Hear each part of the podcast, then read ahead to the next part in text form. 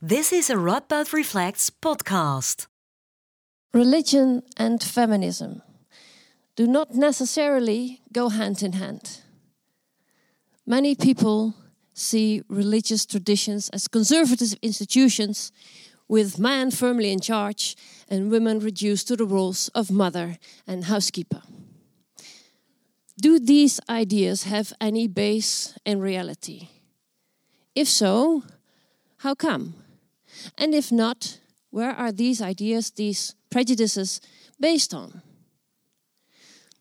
If we look at two main religious traditions, religious traditions, Judaism and Islam, how can we place the role of feminism within these traditions? And to take it one step further, how do these feminist movements within the traditions relate to uh, feminist movements outside?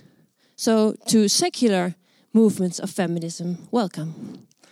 Um, do they support each other? Are they supportive? Or are they rather in conflict? Many questions, but fortunately, we have two excellent speakers tonight who can shed light on all these issues. And maybe you are expecting me to now announce Susannah Heschel, who was indeed supposed to be speaking here tonight, but unfortunately, her daughter got seriously ill, so she understandably decided to stay at home in the United States. Fortunately for us, we found a splendid substitute for her, Anya Topolski, a political philosopher at Radboud University, and she works on the intersection of race and religion in Europe. Our second speaker is Margreet van Es, scholar of religion at Utrecht University, and her research focuses, among others, on the reactions of Muslims on anti Muslim sentiments and stereotypes. Last but not least, I would like to introduce to you our moderator of tonight, Marcel Becker, philosopher and ethicist at Radboud University.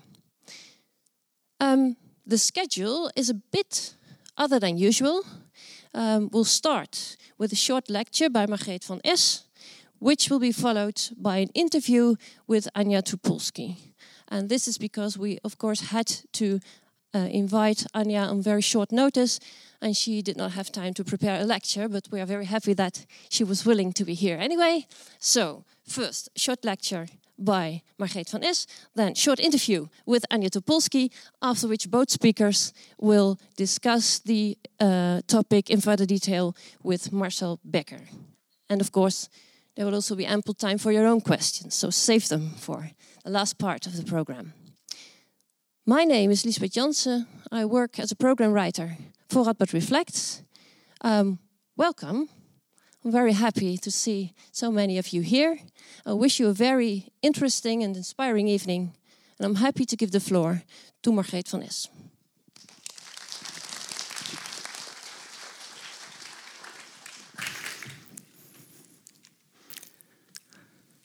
Thank you very much. So I'm Margreet van Es. I work at Utrecht University and I also live there. Um, and for a long time, uh, I currently do completely different research, but for a long time I've been concerned with studying the ways in which different women with Muslim origins, some very secular, some very religious, religious how they relate to ongoing discussions about women, Islam, secularism, religion, feminism, gender, etc. And I'm very happy to be here to be able to talk to you and with you about Islamic feminism, which is a very specific form of feminism. Um, and also to learn more about feminism and Judaism. And I wanted to learn about that for a long time, so I'm really happy to be here to exchange thoughts with my friend and former colleague Anya Topolski. Um, I'm happy to be here not because I want to promote one form of feminism at the cost of another. That's not my purpose here tonight. But I would like to talk and inform you about this particular form of feminism um, and why it is gaining so much popularity nowadays among many, especially young but also older Muslim women in the Netherlands, in Europe, but also elsewhere in the world. And also to engage in a critical reflection about the possibilities and limitations of this particular form of feminism.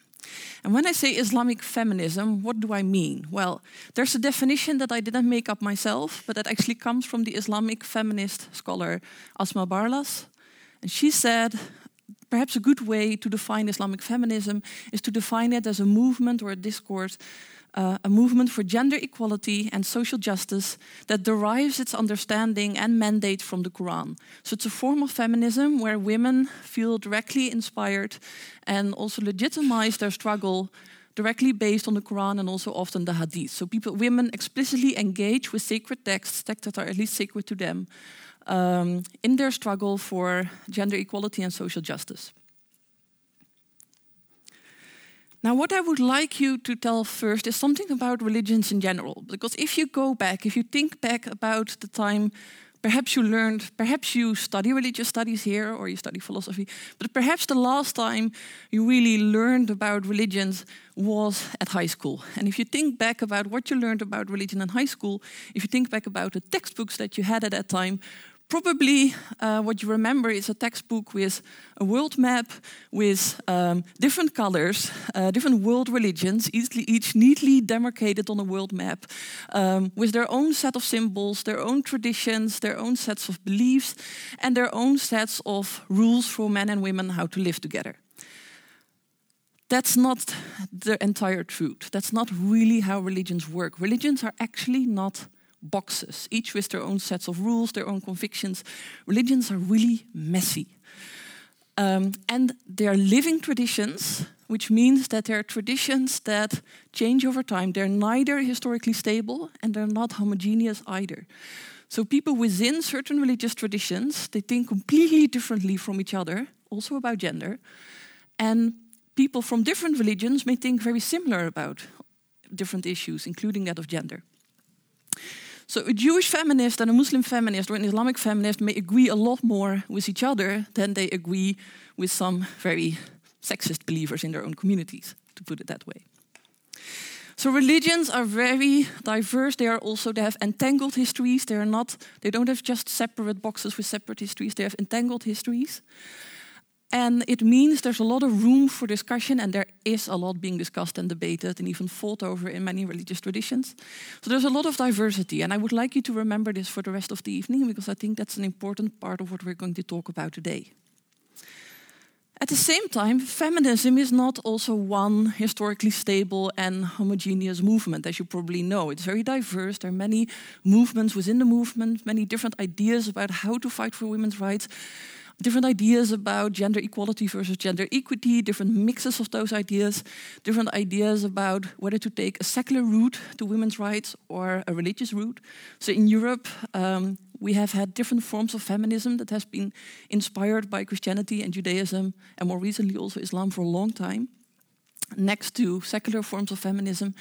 And these have been competing but also helping each other. So, in every religious tradition, you find feminist groups or feminist movements that base themselves and that are rooted and embedded within those religious traditions. And within the larger feminist movements, there are many different religious feminisms. Sometimes women may, or women and men, um, may totally disagree with each other and sometimes be able to cooperate very well with each other nevertheless. So both religious traditions and feminism is a very, are very diverse um, things. And that means that for many people, when I talk about Islam and feminism, it sounds a bit counterintuitive to have Islamic feminism. But actually, once you realize that both feminism and religions are by default very diverse, not historically stable, very, very heterogeneous, it starts to make a lot more sense, I think. And Islamic feminism, exactly, I think, is in the intersection of Islam and feminism. And I would like to show you just a few examples of um, women who have engaged in different forms of Islamic feminism.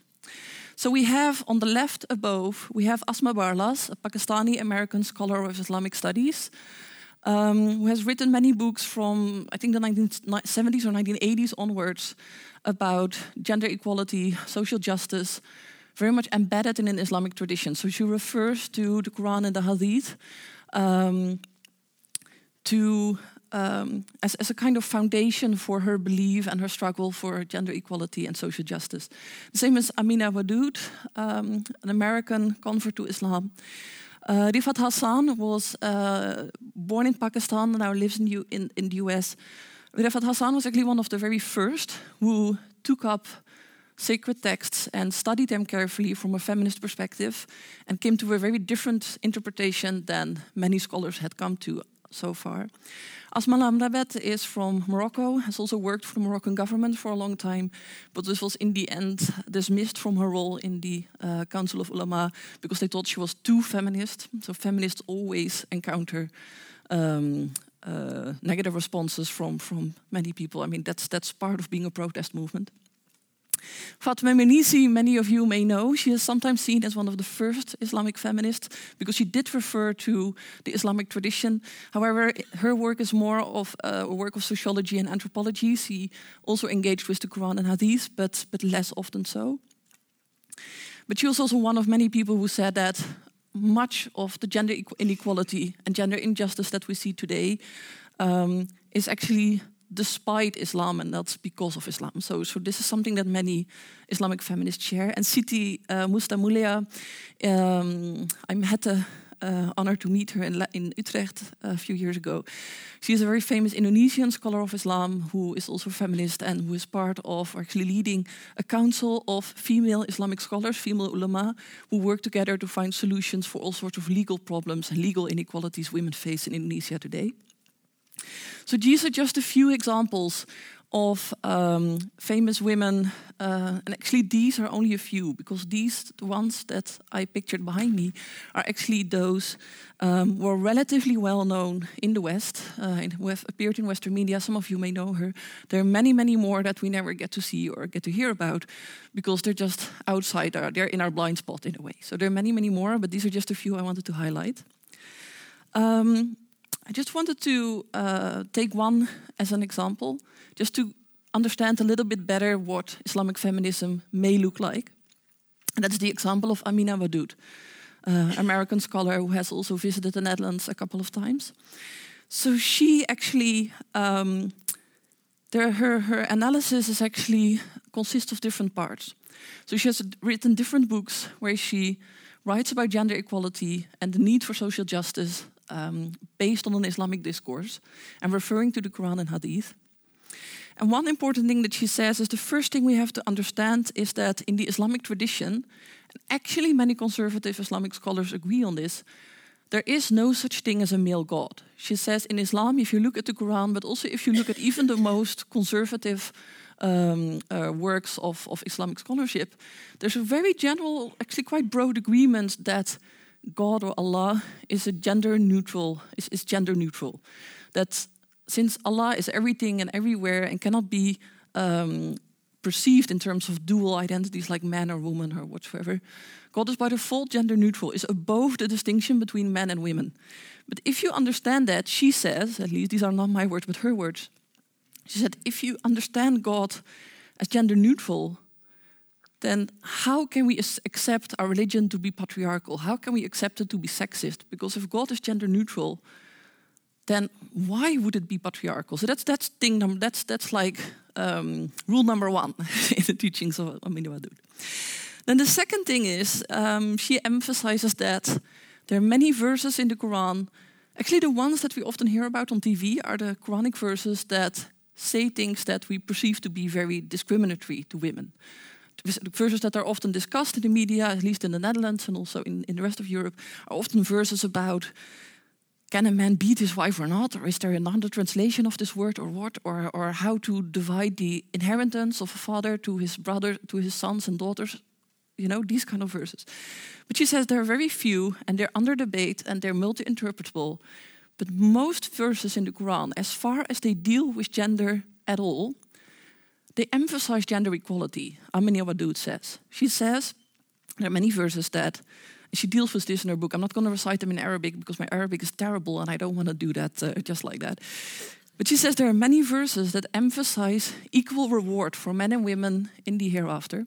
Many verses that emphasize the common origin of men and women created from one soul there are many verses, there are several verses that also emphasize um, things like intention, the importance of, um, of piety, regardless of gender. So she says, if you look at the Quran as such, then there's much more emphasis actually on equality than on disequality and on uh, difference.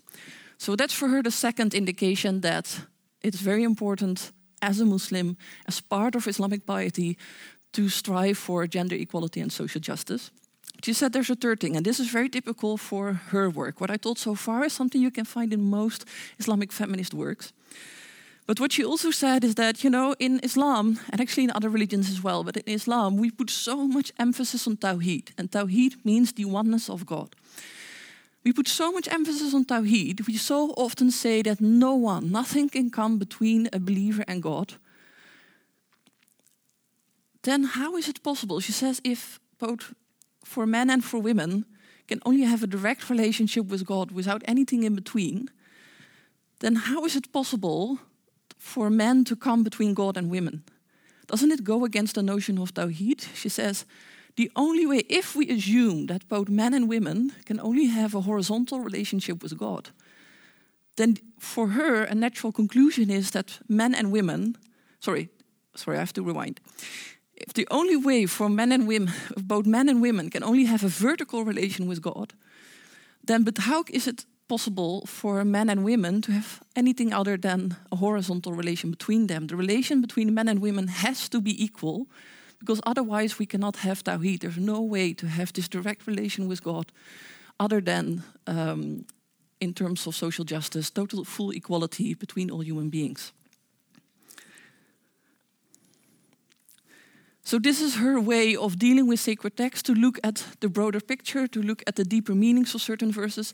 Sometimes she also, for example, um, tackles certain particular verses and gives a different interpretation to that particular verse than what is normally done. Um, but overall, it's very much about a holistic picture. And this differs a lot from one woman to another, one scholar to another. But this is just to give you an example of um, what Islamic feminism can look like. And it's often argued nowadays that um, Islamic feminism can be seen as a multiple critique. This is a term coined by Miriam Cooke in her work in, in the year 2000 about Islamic feminism. She says it's a multiple critique because Islamic feminism, as any other multiple critique, has as its very purpose, as its very core, to discuss and criticize different social problems, different phenomena at the same time. So it's a, a critique that goes in multiple directions. I'll show you a bit. So, for example, Islamic feminism, at the same time, in its very existence, criticizes, of course, violent and or discriminatory, discriminatory practices against women. Now, so far, I presented this as a very heteronormative form of feminism. It is not necessarily so. I mean, many of the women that I showed before have also been very vocal against uh, LGBT discrimination and, and similar issues. But for now, I just focus on violent and discriminatory practices against women. Um, so one thing is to, to directly attack certain practices that are seen as discriminatory. And you may think of a bit like the usual suspects in discussions about Islam, like forced marriages, female genital mutilation, uh, domestic violence, things like that, topics that very often pop up in the media when we talk about Muslim women. But it also includes topics such as um, equal representation of men and women in the boards of mosque associations, or uh, the um, uh, you know things like it could be anything or or management teams and equal representation. So or perhaps for some women, what they find important to, attack, to address is uh, the access of women to mosques, because some mosques have equal access for men and women, but some mosques do not. So very, it can be very difficult in some mosques to enter there and say prayers as a woman, or you have very limited space. So for some women uh, who see themselves as Islamic feminists, it's a very important topic to address to create more space for women in mosques. So it's not always the topics you may expect. Um, and they can be topics that are very specific for Muslim women and topics that are very mainstream for feminism in general. Um, so, one thing is that it wants to criticize certain practices and certain ideas. At the same time, Islamic feminism, in its very endeavor, also, of course, um, aims to criticize sexist interpretations of the Quran and Hadith that exist, that are also out there, and that are often, not always, but often used to legitimize the practices I mentioned before. At the same time, so you have all these layers. So the practices are being criticized, but also certain sexist interpretations of sacred texts, but also the idea that interpreting these texts is a man's job. So the very idea of a male monopoly on tafsir, or interpretation of the Quran, um, is being attacked already, is implicit, implicitly but also explicitly criticized by the phenomenon of Islamic feminism. But there's a fourth one that is also very important, and that also indicates the multi-directionism of this uh, movement. It also criticizes implicitly, but also explicitly in its very existence, Western stereotypes of Islam as inherently oppressive. So, very often here, but actually also in other parts of the world, there's a strong stereotype that Islam is by default oppressive, by default patriarchal, and that if women want to get their rights, they have to leave Islam, or at least they have to go to a more liberalized or perhaps diluted form of Islam. Islamic feminists um, try to tackle that all at the same time. So they say, you know, there may indeed be many, many very sexist, very oppressive interpretations of the Quran and Hadith. They may even be very mainstream. They may lead to very real problems in the lives of many women across the world. But there are different interpretations possible. And Islamic feminists say that these interpretations are no less legitimate than the interpretations they try to counter. So this is also a very important aspect of Islamic feminism.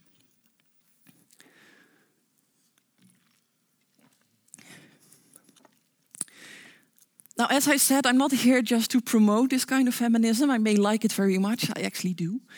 But I do think that also the, the movements and the discourses that we like deserve a critical um, academic discussion, look a bit at the limitations, the possibilities. Of course, when you're among Muslims, and especially those who really strive for uh, piety, it can be very helpful to refer to sacred texts to legitimize your, um, your struggle for gender equality and for social justice. At the same time, also this form of feminism, as all forms of feminism, have their limitations. Of course, it is very relevant to women who are very, and also to men who are very much engaged with sacred text. Not everybody who sees themselves as Muslim is necessarily very interested in a very intensive reading of the Quran and Hadith. So, I mean, it's also a particular form of feminism that very much emphasizes alternative hermeneutics. Just simply not everyone is into that, and that also accounts for Muslims. So, that is one thing. Another thing is that, and um, Leila Abu the uh, famous anthropologist of Islam, she wrote a whole book about different forms of feminism and different challenges that women encounter in the Middle East. And as an anthropologist, she noted that many problems that women encounter all over the world, and also the problems that many Muslim women encounter all over the world, they're very complex. And you seldom can tackle a problem purely by coming up with new ideas, new alternative theologies, new interpretations.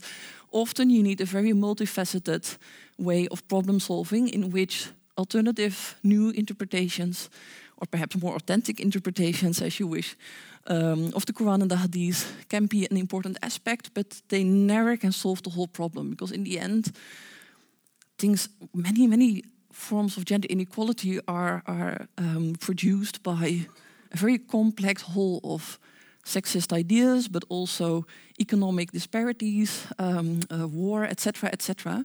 So you can do a lot, but not everything. And perhaps there are many other limitations that uh, we can think of later tonight. So I don't think there is one form of feminism that can solve all our problems. But you know, I think um, it's good to just just reflect on different feminisms and, and perhaps also the opportunities for women to work together. Actually, recently a lot of research is being done, and you see also new movements popping up. And this will be my last slide, I think. Uh, on, a new, on, on, actually a form of feminism that's quite old, but that has got a new name, namely transversal feminism. My colleague at Utrecht University, Nella van den Brandt, has also written about this a lot. Transversal feminism is actually a form of feminism where many different women who actually have different feminist ideologies. Some may be very secular, some may be very religious, some may be Christian, some may be Muslim.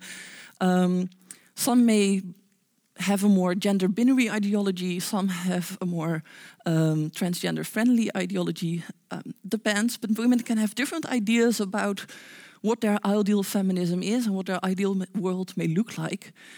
But they join uh, forces and work together to solve very specific problems. So they may disagree a little bit about their ideal feminist world or their ideas about what men and women are and how they should relate, but they agree very much on what are the core problems that we have to solve right now and how are we going to work together to solve that problem.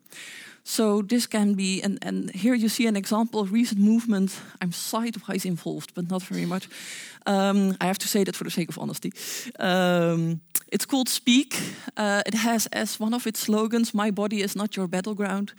These are women, some of them have a much more secular approach to feminism, others are very inspired by um, what they see as the feminist message of the Quran so many different women, different backgrounds. Of many of them are see themselves as Muslim or are often defined as Muslim by others. So many of them face anti-Muslim racism. But they work together, struggle together, leave aside their differences once in a while, also discuss those differences, but they work together despite having somewhat different ideas. And this is often called transversal feminism. These women are also intersectional feminists, so they also very often discuss, and also in their protests, um, discuss issues of anti-black racism among Muslims, but also in the in the wider society. Um, so it's an intersectional form of feminism. So this is also an, a relatively new movement, but actually the very idea of transversal feminism or the phenomenon is not that new, but you see it is coming in new forms. And it also, I think, it opens up new opportunities for different collaborations among women. And for now, I want to leave it at that. Um, but I look forward to your questions and to the discussion with Marcel. Thank you.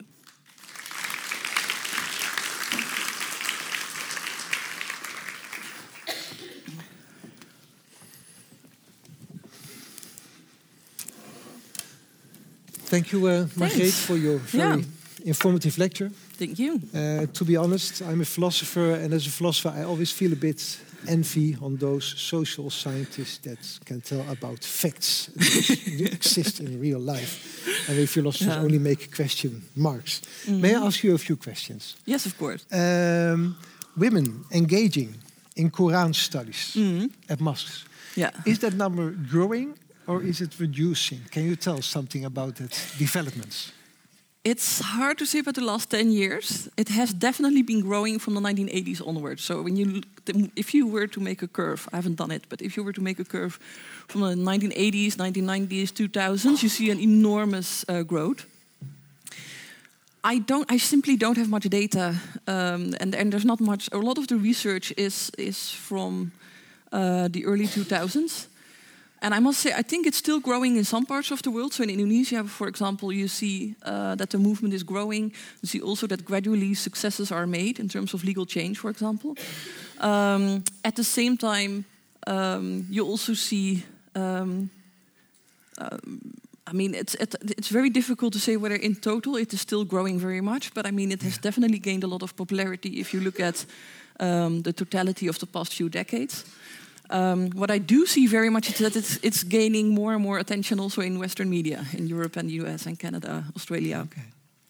So the media attention is still growing. Um, I do think it's still growing on women. What I, what I, in one article I wrote, I was also talking about diffused Islamic feminism. So what you see is that the ideas that the women I show, they're all scholars. So they're intellectuals. They have many, many years, sometimes decades behind them of Islamic studies. Uh, they're like giants in their field. Um, not all of us are, of course. So many women who are just lay women, uh, who are not scholars of Islamic studies, um, they may not adopt all of these ideas, and they may not even call them Islamic feminists, but you do see that uh, as kind of trickling down of these ideas among women in general. So also there, what you would call it a, a, growth of Islamic feminism, I don't know, but it definitely is influential. Okay, because people talk about tendency of conservatism in Islam, mm -hmm. but now you hint at a development that is oh, yeah. more, yeah. Yeah, but that's why I always say religion is so messy. So, and, okay. and, and I mean, the more people take a conservative route, the more people are standing up and take alternative routes. Okay. And also, there's a kind of um, perpetuation in that or a reinforcement that if some people engage very explicitly with the Quran to legitimize certain things, it becomes all the more inviting for feminists, for example, to engage with the Quran and provide an answer. Yeah, and that makes it even more messy. Yeah, okay, let's make it messy, even yeah. more messy because yeah. you, you opened. I study messes. You, you, you open messy. You you, uh, you opened with a with, with a definition Mm. of feminism, and it said that feminism has as a direct inspiration the Mm-hmm. texts in the Quran. Yes, usually. yeah. But all those texts are written by men. I once read a quotation How crazy is it that Mm-hmm. all those men sitting together all time wrote texts about heterosexual relations? Yeah. How strange can it be? How can women derive direct inspiration from texts that are written by men? Well, it depends who you ask. Because first of all, if you ask Muslims and those who, who they would say the Quran is not written by man; it's written by God, or it's not written at all. It is given by God to the Prophet. So if you, I mean, I'm going to leave it up to you whether you believe that or not. But if you believe that, it becomes a different thing. Then it's now no Yeah. more a male written text, and it is a text that's really there from God to you. And then it's up to any Muslim to do something with it. I mean, that's that's a bit the, the general idea. Some feminists that I showed on the on the slide, they say much of what we, uh, much of the sexist interpretations that we try to counter today, they're actually not directly based on the Quran. They're based on selective dealing with the Hadith. Hadiths are statements by the Prophet or, or commentaries on the on, on the Quran. Or they're from later books of um, male theologians who comment on the Quran and the Hadith. And that may be corrected because that is Yeah. not direct the word of Yeah, God. Yeah, and that's not considered to be a divine text, and it's a lot easier to, to talk about, to critically address those. Um, also, when it comes to the hadith, for many women, also for many Islamic feminists, the hadith themselves may have some kind of sacred touch because they're Yeah. sayings from, from the Prophet. yeah. Um, but at the same time, um, we know that there's not one single collection of hadith that is considered 100% reliable. So there's a lot of negotiation possible about which hadiths are actually valid, are reliable historically, what has really been said by the Prophet, and what have been additions made by other people who wanted to Okay, make some yeah. statements for their own gain. Theology as negotiation. Exactly, Okay, okay, exactly. So there's room for, for negotiation there. Okay, yeah. yeah. You're up, of course, later in the evening, you can all ask questions about that theology as negotiation. Mm-hmm. nego- negotiation. Uh, the- my last question is: you, you showed a slide in which uh, about transversal feminism, Yes. and uh, I'm not your battlefield. That was the literal translation. Mm-hmm. body is not your my, My body is battlefield, yeah. my body Yeah. is not your battlefield. So you as a uh, of a, the- so feminist Islam feminist finds as a companion also feminists in secularized, secularized society. Mm-hmm. But in other respects, our highly secularized society is not always friendly towards No. Islam. So No. that's a completing, a complicated thing. Yeah. We make, make things extremely messy now Yeah. because the companions of the Islamic, Islamic feminists Mm-hmm. are people like Geert Wilders and Thierry Baudet that plea for highly secularized society. Yeah, but then of course it depends. Um, there are people you can collaborate with. I think if you are an Islamic feminist, let's say you are an Islamic feminist. Yeah. Again, I leave it up to you guys whether you want to be. If you are, there are of course secular women, secular feminists, or perhaps uh, uh, male feminists, gender non-binary feminists that you can work with, and those that you cannot work with. And then it is not so much a matter of whether you believe in God or not, or whether you. I mean, there are also very devout Muslim women who um, apply secular feminism. They they believe that the best route to gender equality and justice in this world is via uh, emphasizing the Universal Declaration of Human Rights. They don't deal with the Quran that explicitly, and they may be very pious themselves. So not all women who are very pious Muslims. Um, and who are feminists necessarily are uh, dealing with Islamic feminism. But you know, even if you don't believe in God at all, or if you, even if you think that, that religions are a little bit weird, if you talk with somebody who is religious and you find common problems, and in the practical way of solving those problems, you find commonalities, you can work together as long as there's a kind of minimal level of openness towards each other idea, kind of basic human respect you have to have. And that's exactly what is lacking with some of the right-wing populists or Yeah, right-wing but for extremist people you just mentioned. but So, so I think there, that's Yeah, one okay. thing. Mm-hmm. Mm-hmm. Okay, but uh, to, to, end with the mm-hmm. example of the burqa, the burqa Yeah. ban in the public domain, I can imagine that Islamic feminists don't like the burqa in public domain because the burqa impedes participation of women in public uh, in public domain. So they should welcome the burqa ban as a Yeah, that's, that's a very good question. But actually, I was myself curious what would happen uh, among women I know who very actively engage with Islamic feminism. And I saw that opinions were really divided. So I know Islamic feminists um, who are very much opposed to the burqa ban because, first of all, they say it's up to women themselves what they want to wear and whether it limits them in public life is something that they know the best whether it does or not. It's something I can't decide for them. So that's one argument I heard a lot, Yeah. like like women should decide themselves what to wear. Uh, and on the other hand, they say that the motivations behind this burqa ban are so clearly Islamophobic in their perspective Yeah. that um, we have to oppose this as part of our transversal and anti-racist feminism. On the other hand, I also know women who um, who identify as Islamic feminists and who did agree with the burqa ban, but for different reasons than Geert Wilders or Thierry Baudet. Yeah, yeah, yeah. But who simply thought that this is something women shouldn't be feel any pressure to wear. So so let's have a ban. I, I yeah okay. There are different perspectives on Well, that. well yeah. thank you for It's giving more some... messy than we even okay. thought. So yeah. yeah. Okay, but thank you for giving some insight in these very complicated discussions. Okay, um, Anya, can I welcome you? Anya Topolski is uh, associate professor at the Department of Ethics and Political Philosophy. Give her a hand while she is uh, sitting. Anya, you have the almost impossible task to replace uh, Susan Heschel. That's not possible. I won't Very even try. uh, courageous that you try to do so. I'm not trying. And let's support Anya in this very difficult task uh, tonight. Anya, to start with, can you tell us us something about your affiliation with Jewish religion? Um, so, like you, of course, I'm a philosopher, which means already I'm going to uh, start to disentangle your question. Um, I wouldn't say I'm affiliated with Jewish religion. I would say I practice Judaism. And I would say that very specifically because, first of all, for me, as what's called a liberal or progressive Jew, um, the emphasis lies on the practice, the doing of the mitzvah, the ethics. Um, and so it's really much more about what I do than what I believe. And that's also why I wouldn't use the word religion necessarily, because for me, religion is a Christian term, and certainly in the Dutch context, a primarily Protestant term where religion is connected to belief. And that belief, of course, is privatized. I just wanted to say this is a typical Jewish answer. Yes, of course. Yeah. And no, no, no. The typical Jewish answer is I'm going to throw a question right back at you. that's how that's how we work, huh? Pilpul, huh? okay, yeah, okay. But um, Yeah, so for me, yeah. I wouldn't use the term religion. I would say Jewish practice. Okay. But I do think if I was a conservative or Orthodox Jew, my answer could be different. And in that sense, I really want to repeat, I think, the beautiful message of it is messy and it's diverse. And that's very much the case. So when I speak, I speak only from my particular type of Judaism, which Yeah. is yeah. And next to that, you are a social and political philosopher and ethicist.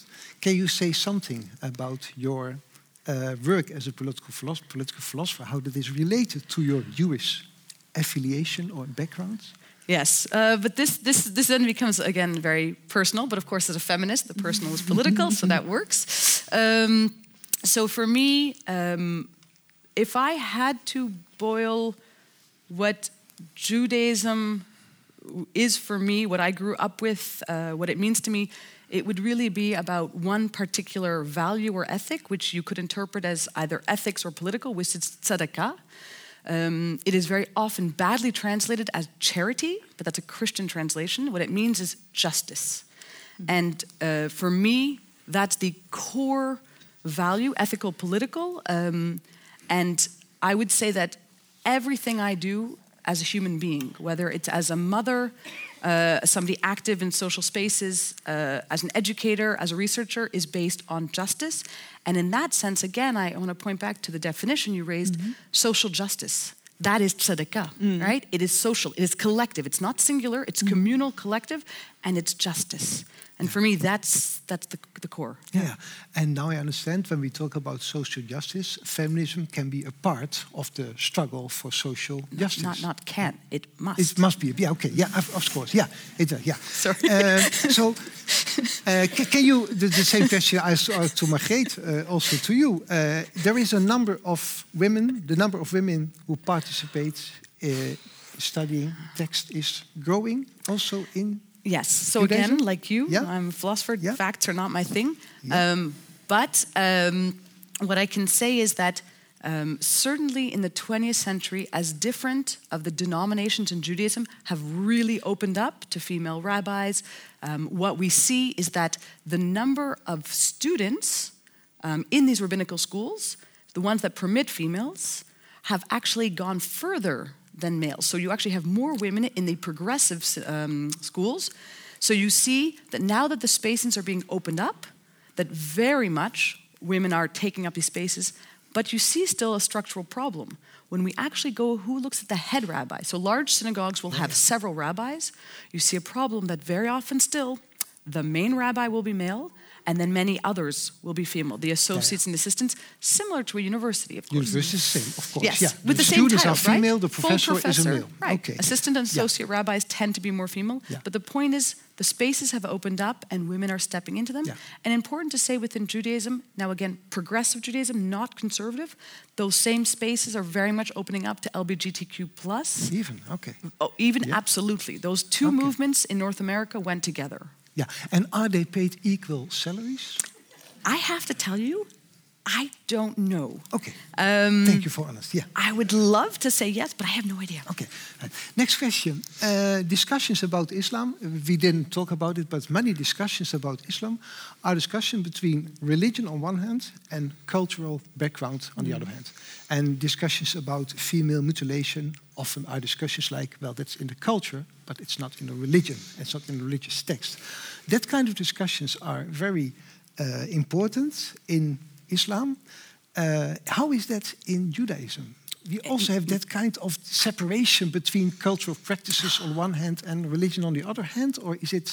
I don't know if you, I mean I won't speak for Islam, but I don't know how much. I would actually say that sometimes, again, analytically, we might try to make those separations, but it's it's very messy and very entangled. Absolutely, there is the case that so Judaism will have not only differences in terms of denomination, so whether it's progressive, um, conservative, or Orthodox, but also in terms of geographical dispersion in the diaspora. So you have Sephardic Jews, Ashkenazi Jews, depending on where they were sort of sent to or forced to flee to. Um, and so, indeed, you have those differences, whether they're geographical, linguistic, do we speak Yiddish or Ladino, um, which music, klezmer, I mean, you have so many differences which sometimes are connected more to the geographical location, sometimes more to food preferences. So, indeed, it's very messy. But I don't think the lines could be so clearly depicted, and I don't think you could ever perfectly separate the religion again from the culture.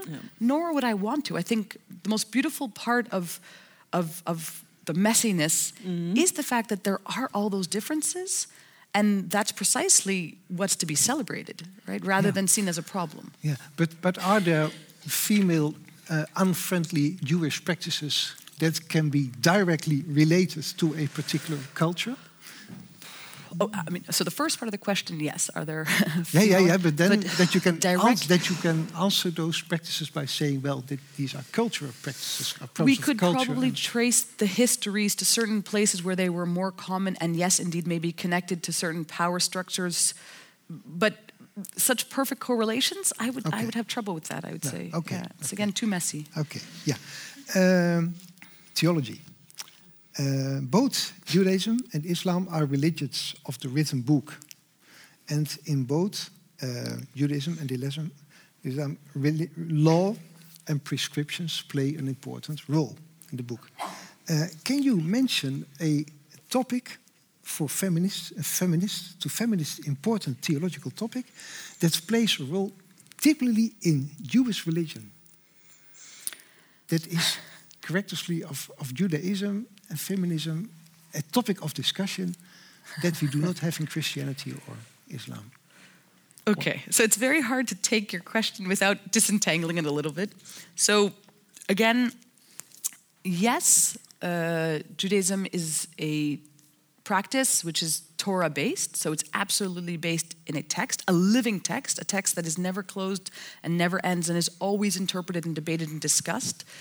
Um, but I wouldn't feel super comfortable with the way you presented it because it strikes me as this is how Christianity presents Judaism as a religion of the flesh and of the law, and a religion where there's not love, and a religion. So the depiction is one that allows Christianity to look a certain way by making Judaism its opposite. And sort of the undesirable traits are pushed on to. So, so the Judaism I study, practice, and live, is that based on law and prescriptions? Yes and no. Can it be reduced to law and prescriptions? Absolutely Okay. not. Are there justice-based practices in Judaism that are typical typical discussion topics for feminists? So I think what are the? I mean, certainly, um, I would say one of the important debates which are taken up by many Jewish feminists is different but equal. So this idea of difference being very, very important, and we must cherish the difference. And for example, in, in, in Jewish scriptures, you have uh, the discussions of the different rabbis about the laws. What's interesting is there is a tradition that requires that the minority voice, the, the voice that all the rabbis disagreed with, right? There was the one stubborn rabbi who said, But I disagree. That, baretot, must be kept in the text, right? So the exception. And I think what's interesting is the idea is always that we don't know in a way which context we want this particular law to be understood. And so we always leave open the possibility that there's a different perspective. And women do so more than men? Well, so first of all, in that particular tradition, only recently have women begun Yeah, yeah, to be allowed to. yeah. So I think, but what's important is to recognize is that there's an equality even when you're a minority, and there's still space for that difference. And that's, I think, what's very important to say is that we want difference, we don't want hierarchy. Right? So I think those are two different things. Mm-hmm. So there's a lot of discussions about how do we allow differences between women and men to be present in our practice of Judaism, Yeah, right? yeah. There's And not an that- idea yeah. that everybody has to be Yeah. the same. Yeah, and doesn't that mirror the de- developments in Western feminism, where we also the topic and difference against hierarchy? You say yes, of course, because you showed the, the banner Mm-hmm. Yeah. of uh, how was it called? The, the transversal Yeah. uh, feminism. And how is it in your case, And Do you also uh, like the idea of transversal feminism? That you have companions in Western feminists, Yeah. Western secularized feminists are your companion in your struggle for feminist rights, for female rights in I really, am, I really am so worried about this evening coming off as being really uh, typically a, annoying uh, gadfly Socratic uh, Jewish woman. But um, transversal feminism is actually a concept that doesn't come from Western feminism. It actually comes from Nira Yuval Davis, who is a Jewish feminist. Sorry. so the concept itself is transversal already. Yeah. so it sort of, it just sorry, it just made me feel Okay. a little bit. So I think it's really important to recognize that very often people who are arguing for positions like transversal feminism come from the background of being the minority, being the difference, trying to say, wait, we have a, a- an important voice and role, and that's why Speak, of course, has this idea linked to voice, to be heard, to to not be made invisible, to not be silenced, or Yeah. to not be reduced to being the same or homogeneous, which is why again Yeah. that diversity. So. Um, I've forgotten actually. So I, I've So actually do you, the do you, do, you, do you experience Western female feminists as companions in your struggle for Some absolutely, and some absolutely not. So I really think it depends. Again, um, you know, uh, what's his name? The Jordan Peterson, right? He has a whole group of, of He also uh, pleads for uh, for heterogeneity. Yeah, yeah, yeah. So, and for so, uh, and I mean, those are not people I could quite imagine sharing my feminism with. But, but I mean, some yes, and some no. So I think it really depends on certain shared basic respect and values. Which, uh, yeah. Yeah, yeah, yeah, yeah. Margreet, you can soon join, soon join our, our discussion. I'm enjoying the discussion very much. I just keep drinking Happy that you not, not have to participate. okay. Uh, Spilling my water. uh, Anja, uh, Jewish identity is passed on via the mother. What does that say? oh, I'm so tempted to make a very sexist comment towards men now. Um, I, I know there are several answers to this there question. are many possible. answers. Yes. There were many answers. Um, in the preparation of this lecture, I asked the same question to several people, and I got incredibly uh, heterogeneity of answers. But I want to have your answer on the question: What is it? Does that say about the, Jew, the, the, the Jewish idea about uh, uh, women? that identity is transferred in the female line? So I think um, there's not one Jewish idea about this, but certainly one that I find interesting because it's obviously problematic, and so anything problematic is worth investigating, is in certainly the roots and the historical roots of Judaism, right? It was a tribal, moving, uh, very much community where it was clear that it was the female's role to raise the children. And in a sense, the idea was we always know who the mother is, and the mother will take responsibility, and that is part of the, the nurturing role of responsibility of a mother. And so, indeed, it was through the mother. Um, but that doesn't There's an mean historical answer. there is a historical. I Is it also a theological answer? ah, this is what I remember I wanted to say before. So the term theology is also one I I'm really going to be annoying tonight. I wouldn't use the term theology because theology, from my the Judaism I learned, is a form of chutzpah. Chutzpah means like audacity or inappropriateness or to think you can study or reduce God to a logic and that humans will ever have access to it is chutzpah. Okay, is it the, so, is it the social justice, justice answer? Is it a oh is my was my answer with regard to Social justice.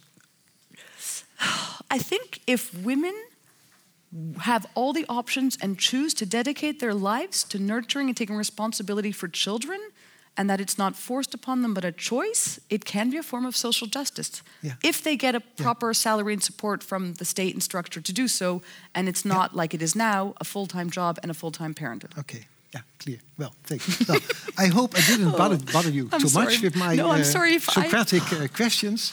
Uh, thank you for your for your answers. Um, and I have prepared some questions for, for both of you. So, Good. Margreet, uh, Yeah. you can put your chair a bit uh, No, it's- forward, I can go back. and you can join the discussion. Um, uh, okay. Um, Two things we after all these difficult uh, historical and theological questions, allow me to start with an insipid question. On a scale from 0 to 10, what mark would you give your religion for the feminist content of current practice? Uh, Margreet? Okay, so far I've been speaking about other women and their Islamic feminism. So this is the Yeah. first time I will really answer from my own heart. The Islam that I believe in, like my Islam, I give it 10 out of 10. Yeah, I understand. But- But, my question, my question about was about Islamic practice. So very nice that you Ah. gave your ten. And now, how is how big is the gap Mm-hmm. between your own experience and your own ideas on one hand, and Islamic practice on the other hand? Well, as we said, it's messy. So it Yeah. really ranges from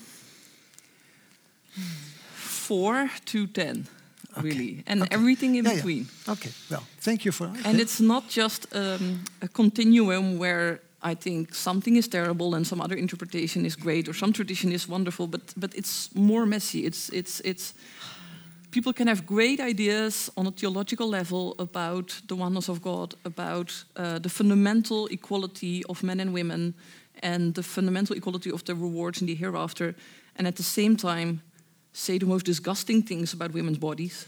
And you can have men who or, or women who um, are very woke in terms of those kind of issues.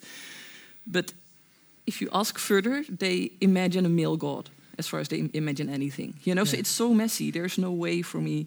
Yeah. And I mean, I say my Islam is 10 out of 10, but I mean, I myself am not 10 out of 10. You know, I have a certain aspiration, a certain ideal. Also, as women, we're not perfect feminists. So you try to, to live a bit better than you did yesterday, and you try to find new ideas, new concepts, etc. So it's, it's, work, it's always Yeah. work in progress. So. So, uh, um, uh, um, congresses where uh, mm, uh, f- feminists with Islamic background meet Mhm. are not dull meetings. There is a lot of discussion and a lot of. Oh yeah, but it would be uh, very unhealthy if we didn't have very yeah. fierce discussions. I mean, yeah. Yeah, Mhm. there's not Yeah. a consensus. Uh, No, about, uh, no, okay. no, and neither are the app groups and all the other things I've I've been to either for research reasons or for personal reasons. It's always a mess, but usually it's a constructive mess, and that I like. Okay, constructive mess. Uh, Anya, the insipid question to you. the, the, the marks. Yeah. I have so many I know it, it might be a stupid question, but allow me no. I, I like I like it actually. Um, so first, I have to say, I have to say, there's one of the most typical Jewish sayings is, you know, two Jews, three synagogues, um, or two Jews, uh, three opinions, and I think that's very, very true, especially if you go to my synagogue. Which, unlike my experience at church, is it's it's loud. People don't stop talking. You know, there's no silence, so it just keeps going. Um, but I, I, oh, Marcel, I'm so worried you're in the, tomorrow in the hallway. You're gonna, okay. Um, I can't. I will answer, but I have to ask you. I don't know whether you identify as Christian or secular, but what would you give Christian secular feminism on zero to ten? I want to What? ask you that question because I, it, I, I, I'm so curious before I can give you my honest answer. Uh, Oh my okay, God, I'm that's, going to get serious that's, trouble. uh, that's an interesting question. uh, I'm, I'm sorry, Lisa. I think, I think just uh, well, I, I, we, as a teacher, we give student marks just sufficient. It just passes the test. Okay. There have been past century many good developments. Particularly Nijmegen has a fantastic theolo- fem- feminist theological tradition. So now, as Christianity, we just pass the test, but there is a lot of work uh, to do. Okay. that is the general picture. Okay, now I've given my answer, and now it's up to you. I, I, honestly, I, I think I would probably give a very similar answer. I think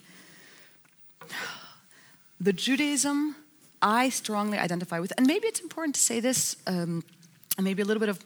So it's important to, for my story is um, my family is Polish Jewish, uh, very typical Eastern Europe Ashkenazi, uh, Shoah survivors. Parents, you know, were kicked out of Poland in '68. So quite a typical, let's say, you know, Ashkenazi Jewish history. I was raised Jewish, very ethnically, but not practicing. It was really something that as I got older and I wanted to have a positive Jewish identity, not simply this fear of some other kind of Shoah happening. So, so it's important to recognize that my Jewish identity is one that has grown with my age.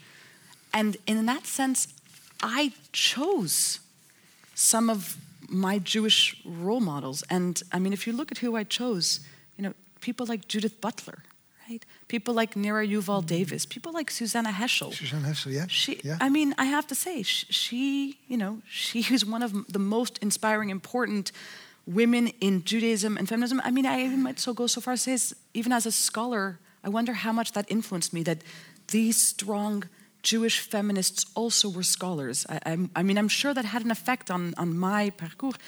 So, if I'm evaluating them, it's ten on ten, if not more. yeah. But if I'm evaluating general Judaism with its messiness, I would probably give your answer. So by inviting you, her spirit is in the room to, yeah, tonight. is this is this a moment? Okay, Can, I see. can we bring up the orange? Yeah. Is it? Am I allowed? The orange. Okay, Yeah? we can bring up the orange. There, there is So- a, uh, slide. Yeah. Um, So- there is a slide. okay. Okay. Yeah. Yeah. Anya, tell us about this slide Okay. and Susan Herschel. So, so I had the honor. Um, so first, maybe the background. So Susannah Heschel, for those that don't know her, there's probably three ways you might know her, depending on your background. Um, as a brilliant, brilliant scholar. Second, as the daughter of Abraham Joshua Heschel, one of the most important Jewish scholars. And thirdly, for those of us who either identify as strongly supportive of LGBTQ rights or as feminists, as the um, let's say the person who the myth of the orange on the seder plate. So the seder plate is this event uh, we have passover. Passover is jewish easter where we have a plate. And on that plate there can never be any bread because the holiday is one where there's no chametz no bread allowed. So very long time ago when susannah heschel was a professor um, she uh, was in discussion with LGBTQ Jews who basically said, We have no place and no voice in Judaism. We're like chametz, bread, on the Seder plate. She then took that symbol and said, Let us talk about the beauty and the blessing of diversity within Judaism and let us bring it to the Seder plate. What is interesting is so then she talked about bringing in orange, which the pits we spit out, there are bad parts, but there's a lot of beautiful goodness we want to keep. What's interesting is that's the true story. And this is a rainbow orange painted by my children, signed by Susannah Heschel, which I have on my Seder plate. Um, and, uh, and so that's how her spirit comes here. And she you know, remembers me showing with these, you know, oranges that my kids had like painted with toxic paint, probably. Um, and but what's important is the way the story is now told is actually not the true story. The story is often told as Susannah Heschel apparently said. Um, women have as much place on the bima as an orange on the Seder plate. And so now Jews across the world, but primarily North American feminist Jews, put an orange there. But of course means they silence LGBTQ rights because it has to be a rainbow diverse orange. But that's the story. Anyhow, so that's that's that's that's the link to Susannah Heschel. And I have to say, as a young child, this is what she meant. She, for me, represented all the excluded voices in Judaism and the hope that Judaism would change to include its diversity. Yeah, but then talking about diversity, so not only her spirit, but also her handwriting is present in, in the room uh, tonight. Yeah. But now, talking about diversity, is in your religion, as you experience it, female piety different from male piety? Are we talking about different forms of piety? Not necessarily, but in practice, often there are differences, but it doesn't have to be. And again, if I go back to, to, to the rainbow orange, that whole notion of a binary of male and female is precisely one that my Jewish feminism would challenge, right? I mean, if you think about Judith Butler is one of the most important Jewish feminists who comes up with, you know, gender theory, which basically challenges this female-male limiting binary. Mm-hmm. So, so again, there may be differences. Are they linked to these categories of male and female? Not necessarily. But in practice, in certain cultures and spaces, yes, there will be differences. Yeah, yeah, yeah. Margreet? Um, can you repeat the question once more so that I really know? Whether, whether female piety is different Ah, yeah. from male piety. Yeah, I'm still Aya thinking, said, yeah. I don't think in such an essentialistic way. I don't And what is your answer to that? No, well, if you ask me, I don't think it, it, it has to be or should be that way. But I'm, I'm a bit puzzled here because I was just thinking on the one hand, many, many anthropological studies have been done that precisely emphasize that if you look at how about live, Islam as a lived tradition, as a lived religion, everyday practices, you do see gender differences that roughly are distributed among the lines of men versus women. On the other hand, they're, they're not always there where you may expect them. And I must say, my own limited, I have very limited observations. I didn't really study this, but what I've seen is actually that that in Islam, the way I know it, um, sometimes it's a lot more equal. Especially when you look at piety, it can sometimes be surprisingly equal. Like for for example, um, in the Islamic world, also if you look at, for example, devotional music sung by men and sometimes also by women, you see that it's actually very socially accepted for men to show quite strong emotions Yeah. When they when engaging in in form in expressions of piety, um, crying or feeling humble towards God, showing emotions in a way that that in the post-Christian secular West we would think is really unfitting to to a male role, you know. But the idea of feeling really humble towards Allah in such a way that it actually makes you cry, completely okay for, for, for many, sometimes pretty conservative men in, for example, Morocco or Lebanon or Iran or something. So, and for, for women the same. So this, so sometimes it's different than you think. There may be, gen- if you study it very intensively, you may indeed find gender differences, but sometimes. I'm, I'm more. Um, I find sometimes find the similarities more interesting. Yeah. Okay, especially okay. when they depart from what I'm used to in my uh, upbringing in, in, in the Netherlands. Yeah. Okay. Thank you for your attention.